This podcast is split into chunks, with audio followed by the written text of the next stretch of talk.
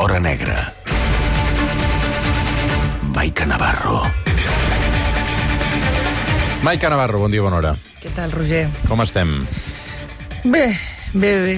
Jo estic sobrevivint a tots els virus uh, de guarderia. Alguna cosa hauràs de llar fet d'infants, malament. perdó. Uh, que van arribant. Això? Sí, Cap van- pare sobreviu amb això, No, no? no, hem caigut, però... Pues, va. És a dir, Avui, quan... com m'he despertat, dic, uf, la feina que tindràs per arribar a la una. No, perquè... Ves que és, és, és, o sigui, vas encadenant refredats I no ja fas net. no surts d'una que, que ja estàs empalmant amb l'altra.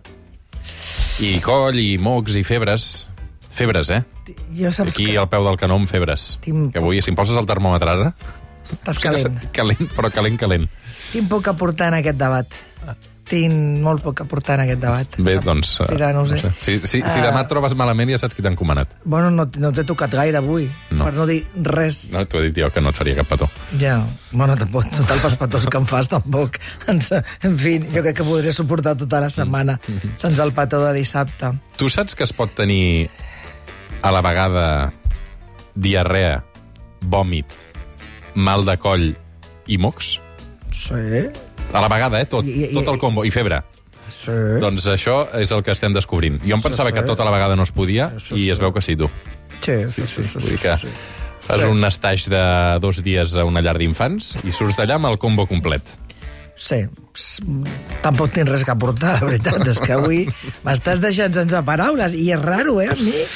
És, Bé, i és estrany que jo tot això- que tot no això que tingui, t'estalvies, tot que no que tingui arguments allò per, per, no, per fer petar la xerrada, però avui, escolta'm... mm, Mm. Anem amb Rosa Peral, anem amb Rosa Peral, va. Dale. A veure, Rosa Peral ha estat notícia aquesta setmana perquè ha declarat, eh, recordem, per ocultació de béns. Això va passar aquest dimecres, una declaració que va ser eh, molt mediàtica, tot i que la, crec que la jutgessa es va esforçar molt amb, amb, amb que el poguessin veure molt poquet. Pss, Bueno, jutgessa, jo crec que, en fi, no sé, encara ens ho ha d'explicar. M'agradaria que ens expliqués exactament. Primer, va, va permetre... Eh, la- L'advocada de la Rosa Peral havia demanat per protegir a la Rosa que la declaració de la Rosa no es gravés en vídeo, ni, ni les imatges ni, ni, la, ni la veu. És, bueno, tot els jutjats tot els jutjats i a tots els procediments hi ha unes, hi ha unes càmeres que enregistren les graves, les declaracions doncs, bueno, doncs, per, per, per garantir allò que s'ha explicat, etc etc. Doncs va demanar que no es gravés per evitar que allò es pogués filtrar als mitjans de comunicació i que la Rosa no es volia tornar a veure eh, als mitjans de comunicació. Hem de recordar que fa quatre dies ella mateixa eh, va ser sancionada per haver permès que es gravés una videoconferència amb el seu pare, però que en realitat tenia a l'altra banda amb un productor de Brutal Media per fer aquest reportatge de les cintes de Rosa. Mm. Però vaja, hi ha gravacions que li agraden i hi ha altres gravacions que no li agraden doncs li va concedir. Ah, De fet, havia demanat no anar al jutjat perquè deia que, que tenia com una mena de... que no es podria garantir la seva integritat ni la seva intimitat perquè estaria petat de periodistes. Bueno, ella, com qualsevol altra presa, els Mossos ho van fer molt bé. La van anar a buscar a Mas Enric, està a 15 minuts amb cotxe de la, dels jutjats de, de Tarragona, va arribar amb un furgó i, a més, els jutjats de Tarragona tenen un, un pàrquing que tu, a, a, el, el, parc, el vehicle policial arriba, es tanca la porta i la desencotxen i la porten a la cel·la fins que la jutge la, la crida. Però tu no veus res, i em sembla correctíssim que no s'hagi de veure. El pare sí que el van veure. Però res, o sigui, va haver un moment que quan li estaven preguntant, la Rosa Peral, tothom que ha, vist les diferents productes, crims, etc etc, on ella parla, parla molt ràpid i diu moltes coses amb moltes frases eh, subordinades una darrere de l'altra, que al final no saps per on ha començat. I el, el, el funcionari dels jutjats que anava apuntant a mà, perquè clar, és que no hi havia una altra manera de garantir allò que deia, va haver de dir dues vegades, "Escolti, perdó, que, que, que no em dóna temps, que, que, no, que, no, que, que, no, que no arribo, que no arribo. I, per tant, ara mateix, si qualsevol procediment, en, en aquest mateixa instrucció, si ella digués, és que jo això exactament no ho vaig dir així, bueno, no sé, jo crec que crea molta indefensió, però vaja, es va presentar, es va presentar, estava patat, clar, estàvem tots, estàvem tots, a més repartit a les... La vas arribar a veure, tu? No, ningú, no, no, no, no, no. A part, tots som, tot, afortunadament, tota la gent que fem, que fem periodisme de successos judicials, almenys aquí hem de dir que en, aquesta, que en aquest territori mm, tenim dos dits de front i, i no... I a més, a més, és, no només hi ha molt bona relació de companyerisme en tots, fins i tot amb aquests programes de televisió, que hi ha molta competència i molta realitat i que em consta que fora de Catalunya s'estan fent autèntiques canallades entre ells, però aquí no, aquí ens repartíem entre les dues portes. Eh, Jo vaig saber mm, que eh, un furgó concret era el que arribava i vaig avisar a tothom. I és més, a l'acabar la, quan acaba la declaració d'ella i del pare de Rosa Peral, Francisco Peral, que també està investigat i està, per tant, havia de declarar la causa, l'advocada de la Rosa va intentar fer una maniobra de distracció, ens va convocar tots a peu d'escala per fer una declaració que era bàsicament dir que no diria res, i aprofitant que tots estàvem amb aquest núvol, el pare sortia pel darrere.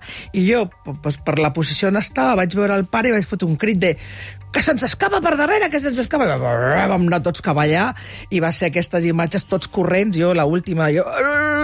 Senyor Peral, senyor Peral! Una mica patètica, però...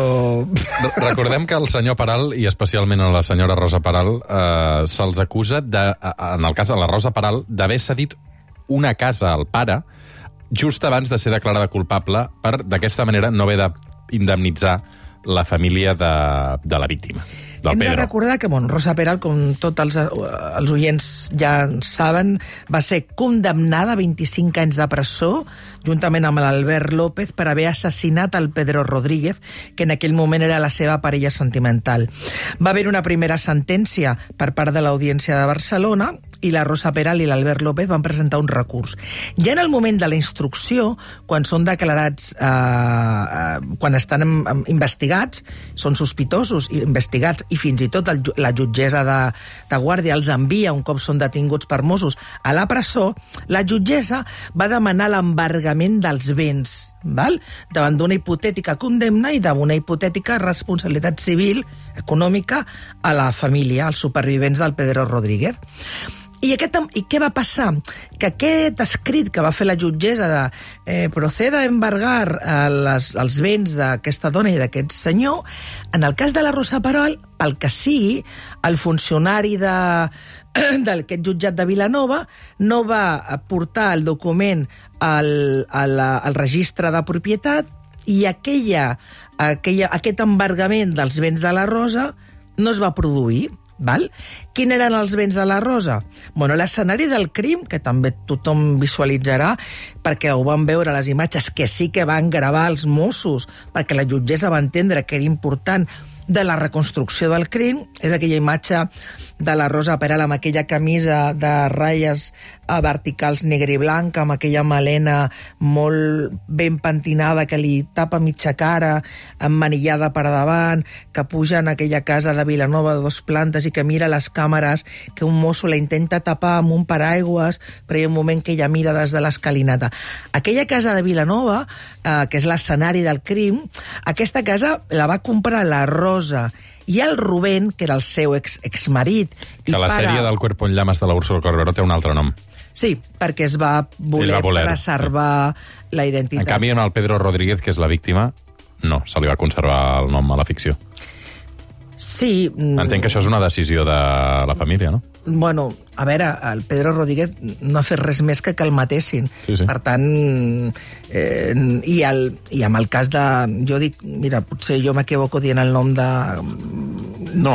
Si en algun moment m'hagués dit... Ha fet entrevistes. Maica, Ha fet entrevistes, l'exmarit de Rosa Peral. Sí, i, i és veritat que la sèrie... El tema de la sèrie estava molt més dirigit, i, i, i ho dic amb, amb coneixement de causa, la família...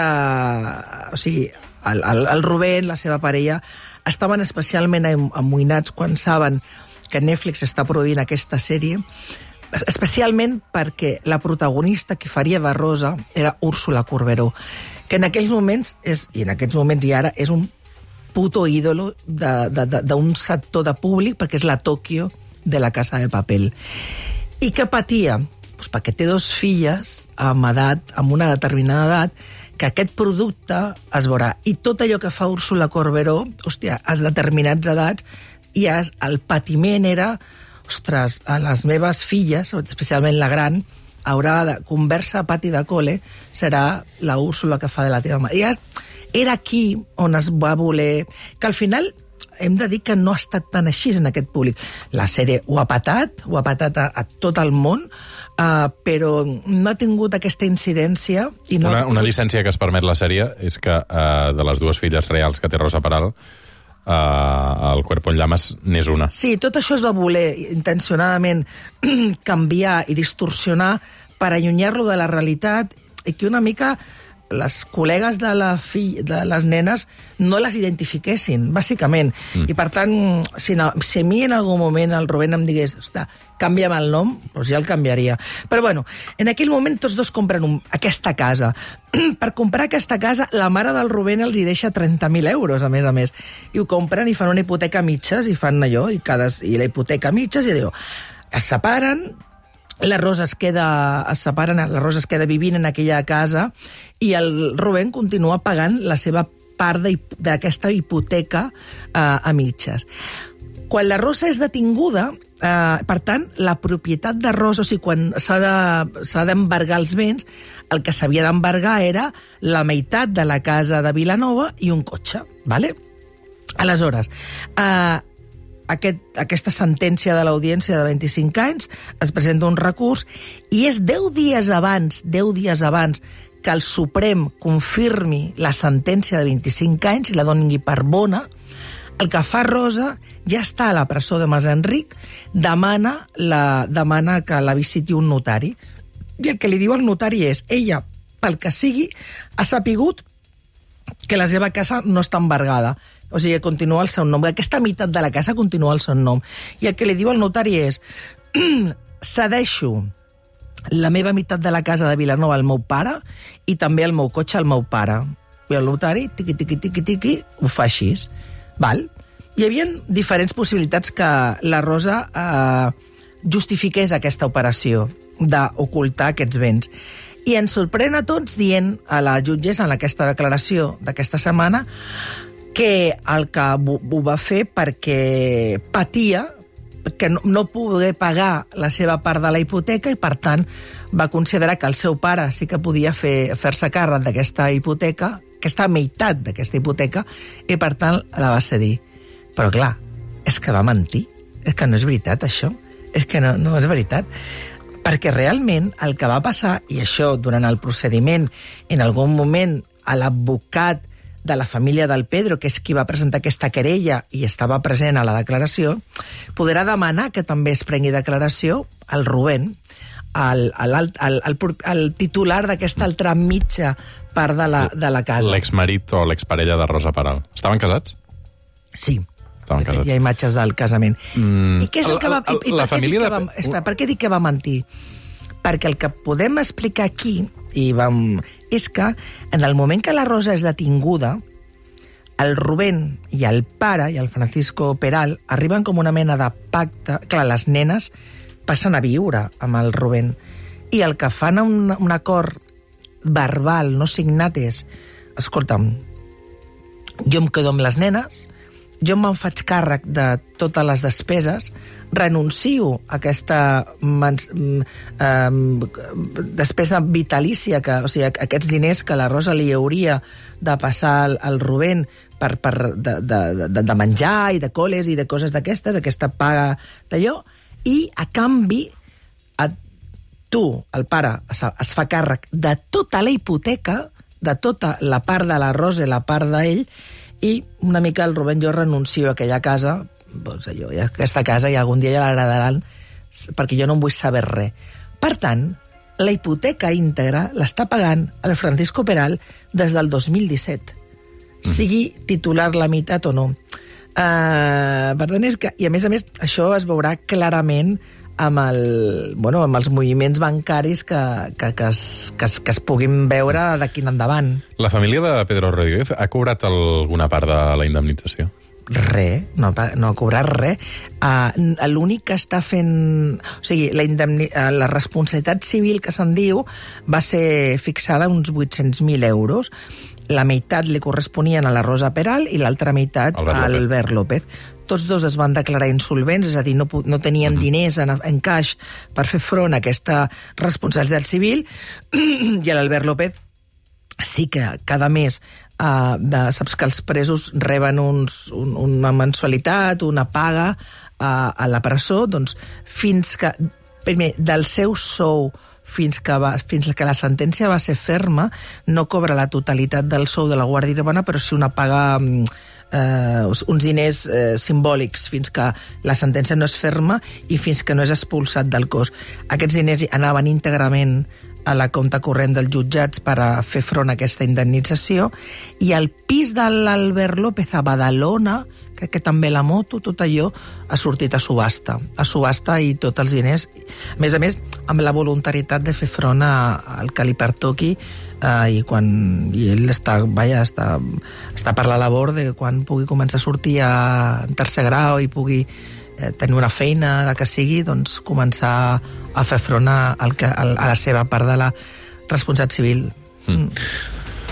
Passen 5 minuts d'un quart d'onze del matí, avui una vegada més amb Maica Navarro, Rosa Peral, eh, i dissabte que ve una setmana més Dani Alves, perquè el dia 5 comença el judici de Dani Alves, eh, per Sí, tant, sí, la sí, setmana sí. que ve, que serà dia 3, farem la prèvia d'aquest judici, que evidentment portarà cua, si és que eh, arriba a judici, que de moment sembla que sí. Sí, de moment sembla que sí. De moment a l'Audiència de Barcelona s'està fent tots els preparatius per, per, per fer front a un judici que serà molt, molt, molt mediàtic.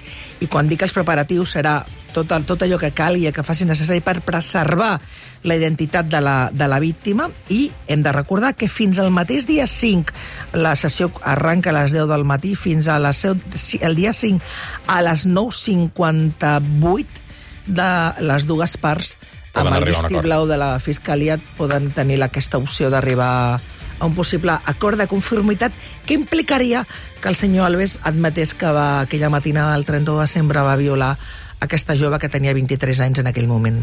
Maica Navarro, moltes gràcies. Fem una Cuida't. pausa i de seguida el suplement Lluís Llach.